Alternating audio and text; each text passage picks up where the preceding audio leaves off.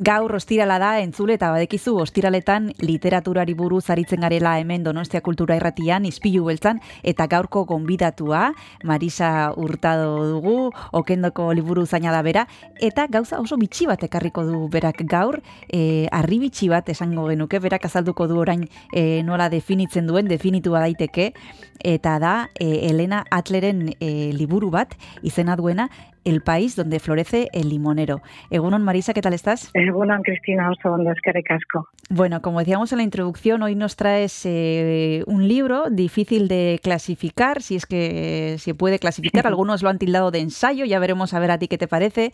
Em, una joya, también podríamos decir, eh, a lo mejor con eso acertamos un poquito más, y es eh, el, el país donde florece el limonero. Marisa, cuéntanos. ¿Qué es esto? Pues a ver qué es, ya te voy a decir yo qué es.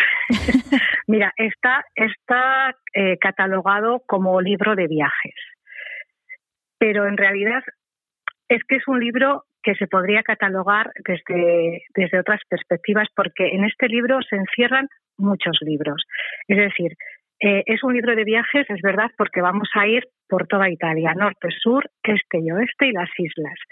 Pero también es un libro de historia, porque a través de los limoneros y de los cítricos, una cosa así que no parece nada importante, pues vamos a comprender parte de la historia que se desarrolla en Italia. También, ahora veremos, es un libro de arte, eh, de gastronomía, porque vienen recetas, la verdad es que yo algunas las voy a hacer porque no parecen difíciles, pero como muy riquitas. También es un libro de arquitectura, de jardines, de paisajismo, eh, qué sé yo, también habla de ciencia, también habla de perfumes y también nos habla de la mafia. O sea que aquí tenemos un tratado que en un solo libro, que aparentemente está eh, catalogado como libro de viajes, pues eh, se encierran muchas historias y muchas eh, clasificaciones distintas. Sí, como decías, podría ser catalogado como libro de historia, libro de arte también, porque nos habla de arquitectura, de ciencia, de comida, de gastronomía, también podríamos decir. Vamos a empezar por el principio el país donde florece el limonero es un recorrido por Italia, como decías tú, que realiza eh, Elena Atle, que es una persona eh, que tiene varios trabajos sobre jardines italianos, sobre historia eh, de los jardines de todo el mundo. Una persona que, bueno, en principio está interesada en, en la botánica, podríamos decir, y también mucho en Italia. Pero aquí lo que hace es un compendio de muchísimas cosas y yo no sé si le sale bien.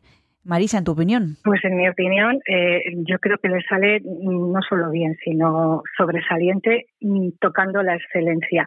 Y es así, es una, lo hace de forma muy sencilla. Eh, la forma de escribir de Elena Atlit es muy al estilo eh, de cómo escriben las inglesas, ¿no? Es decir, pueden hablarte, o los ingleses, pueden hablarte de un tema muy específico, pero no se alejan de él. Es decir, se inmiscuyen en el propio tema. Eh, por eso eh, Elena Atri es parte y es protagonista continua en, el libro, porque a través de ella, de sus impresiones, de sus emociones, de lo que le produce pues ver estos paisajes, estos limoneros, las fragancias que pues ella nos va guiando, eh, pero a través de sus propias experiencias. O sea que es un libro sumamente cercano ¿eh? y yo creo que ahí tiene parte del interés eh, del libro, porque no se aleja, o sea, no es un ensayo que te habla del limonero desde, el punto de vista botánico, crece aquí, sí, no, no, no, es cómo llegan esos limones a mi vida, cómo los siento, cómo los vivo. Entonces, bueno, pues en ese sentido me parece que es una joyita. ¿eh? Pues ahora mismo vamos a seguir hablando de este libro de Elena Atli. Nos vamos a tomar un descanso y ahora mismo volvemos con Marisa Hurtado. Con la chitarra in mano, lasciatemi cantare, sono un italiano.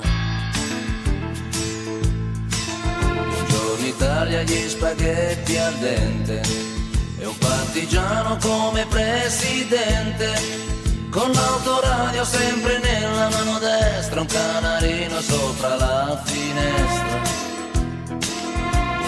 Italia con i tuoi artisti, con troppa America sui manifesti, con le canzoni, con amore, con il cuore, con più donne, sempre meno suore. Buongiorno Italia, buongiorno Maria, con gli occhi pieni di malinconia. Buongiorno Dio, sai che ci sono anch'io. Lasciatemi cantare con la chitarra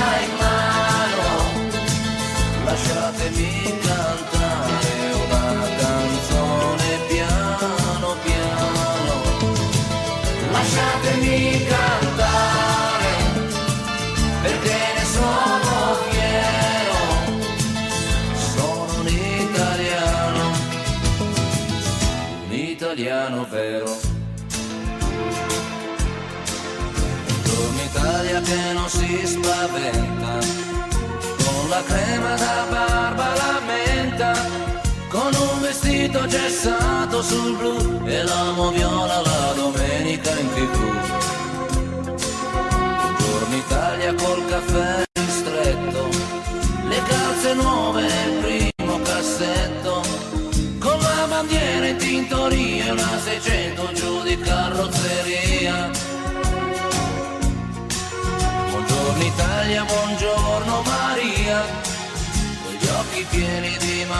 Malinconia. Buongiorno Dio, lo sai che ci sono anch'io. Lasciatemi cantare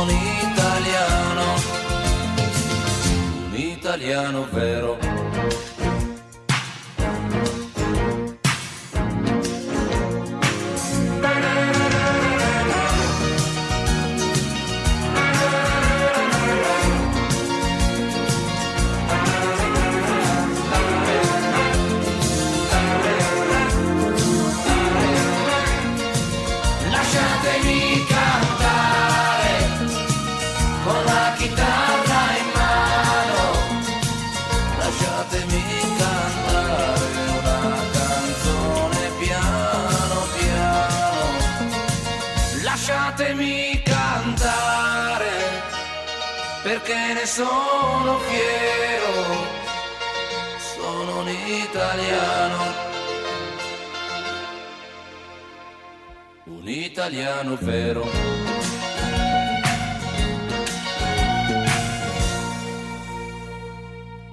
Donostia kultura irratian gaude eta gaur literaturari buruz ari gara hemen hitz egiten Marisa Hurtadorekin, bera okendo liburutegiko liburu zaina da, eta badekizue ostiraletan e, aritzen garela liburuen inguruan. Gaurkoan Marisa Hurtadok ekarri du e, arribitsi bat, eta horrentxe ari gara, aritu gara e, horren inguruan hitz egiten, eta jarraituko dugu Elena Atliren El País donde florece el limonero izena du liburuak, acantilado eh, argitaletxean aurkitu alduzuena. Y vamos a ir poco a poco, Marisa, si te parece, hablando de algunos de los apartados que, trata la autora inglesa en este libro. Has citado uno que me ha llamado la atención, la mafia. En este libro que parece que habla de, limones y de cultura y de arte y de cosas eh, así como Mm, más bonitas, también habla Elena Atli de, la mafia. Claro, donde hay luz hay oscuridad. lo que pasa que si me permites, Cristina, para llegar a explicarte lo de la mafia, primero te voy a hablar de la luz. Perfecto. ¿Y por qué esa luz vamos allá. Eh, la agarra la mafia? Vamos, venga, vamos a hablar de luz. Vamos a hablar de luz. Entonces, mira, eh, los, los, los cítricos y los limones llegan a, a Italia en diferentes oleadas, pero eh, la más eh, eh, la más abundante fue ya en el siglo IX cuando los árabes invaden Sicilia, ¿no? Entonces traen limones y cítricos y estructuran cómo se tiene que plantar esos esos árboles para que den fruto. Pero al llegar estos productos tan exóticos, no solamente se cambian las formas agrícolas, sino que la aristocracia de todo el país eh, se vuelve loca con, con, algo tan excepcional. Es algo que no se había olido nunca un perfume de azar, no se había visto unos frutos que parecen de oro, no se había visto esos sabores, tan ácidos. Entonces, solo se podían permitir eh, ese tipo de frutos las clases altas. Entonces, ¿qué hacen? Las meten en sus jardines. Los jardines eh, del Renacimiento mm, italiano son famosos por el paisajismo que desarrollan. Entonces introducen también los limones en grandes macetas y la reparten por, por los jardines. Y es tan exótico esa planta que están a los comienzos de los jardines y cuando celebran fiestas estas personas, eh, los invitados atraviesan una avenida de limoneros y se quedan pasmados. Entonces, eso da, mm, eh, refleja la, eh, la capacidad económica de la persona que tiene esos limoneros, porque era algo extraordinario, ¿no? Entonces, no solamente se vuelven locos por las plantas, sino que la gente los quiere tener también en sus casas. Entonces hay un pintor, Bartolomeo Bimbi, que plasma de forma hiperrealista pues bodegones de limoneros. Entonces se convierte en moda también entre las clases aristocráticas tener cuadros de Bartolomeo Bimbi con limoneros, por ejemplo pero ya no solamente la aristocracia, sino que también la, burguesía quiere tener dentro de sus casas algo que eh, te recuerde a los limoneros. Entonces también no solo se desarrolla la pintura, sino que se desarrolla la escultura y se crean eh, a través de moldes de cera y de yeso eh, figuras de limones y de cítricos que luego se pintan con mucho realismo y se ponen en bandejas para adornar los salones de, la aristocracia. ¿no? O sea que es, es, un, es una locura lo que pasa en ese momento y una locura que te lleva a desarrollar diferentes artes. ¿no?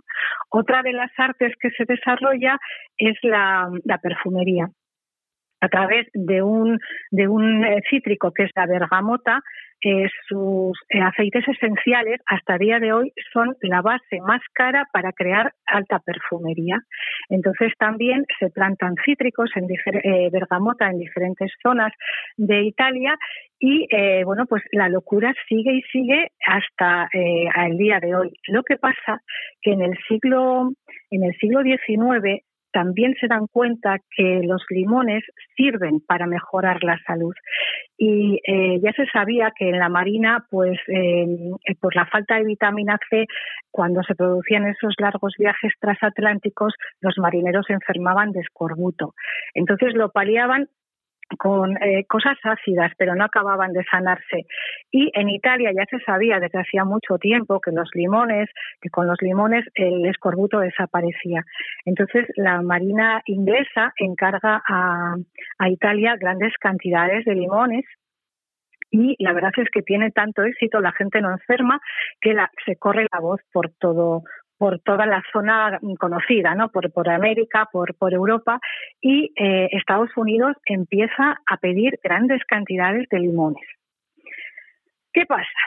¿Qué pasa? Que aquí los agricultores en esta época se están enriqueciendo y hay un grupo de personas que surgen de la aristocracia, de la alta política, abogados, que dicen, bueno, aquí tenemos que sacar partido de alguna manera y es a partir de querer también eh, tener un trocito del pastel de la riqueza que producen los limones, cómo surge la primera organización, los mafiosi, que se llaman los guapos, más bien a, ser más o menos los guapos, ¿no?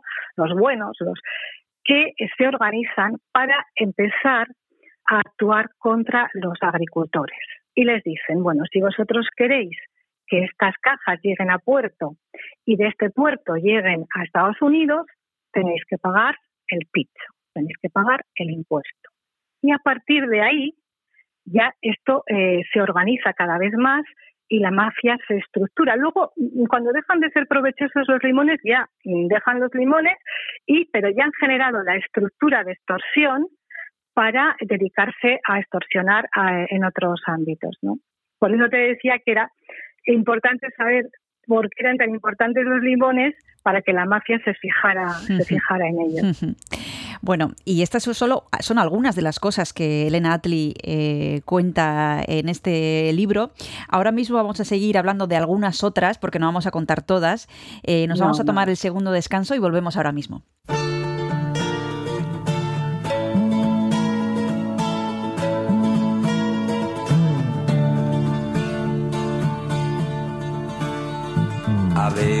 Ferita in fondo al cuore, soffrivo, soffrivo, le dissi non è niente, ma mentivo, piangevo, piangevo.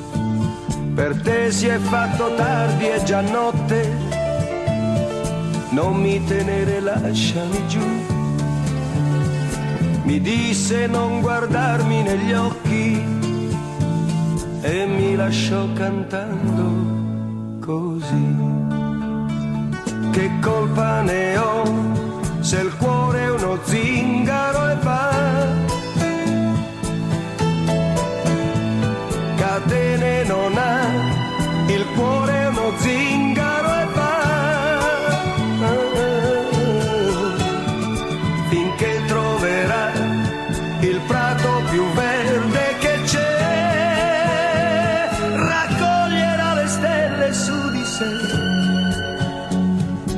si fermerà, chissà, e si fermerà.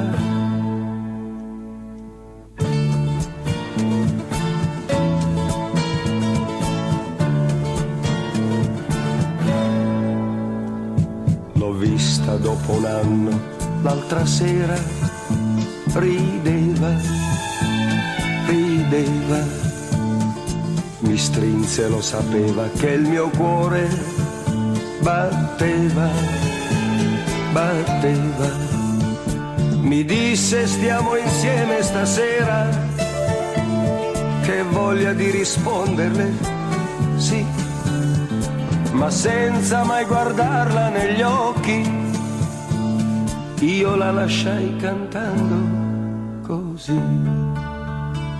Che colpa ne ho se il cuore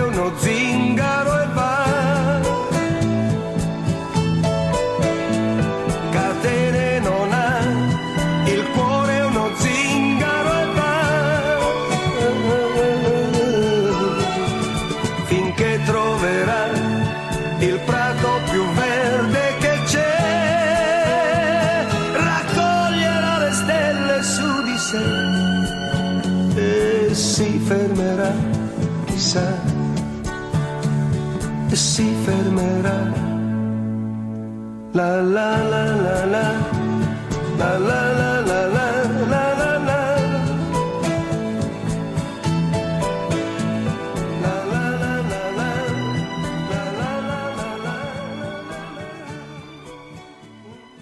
Gaur telefonoaren beste aldean Marisa Hurtadu daukagu, bera okendon liburu zaina da, eta badekizue ostiraletan literaturari buruz aritzen garela Mendonostia kultura erratian, eta gaur ekarri dugun liburua, bueno, berak ekarri duen e, liburuak izena du El País, donde florece limonero, Elena Atli idazle inglesak idatzitakoa.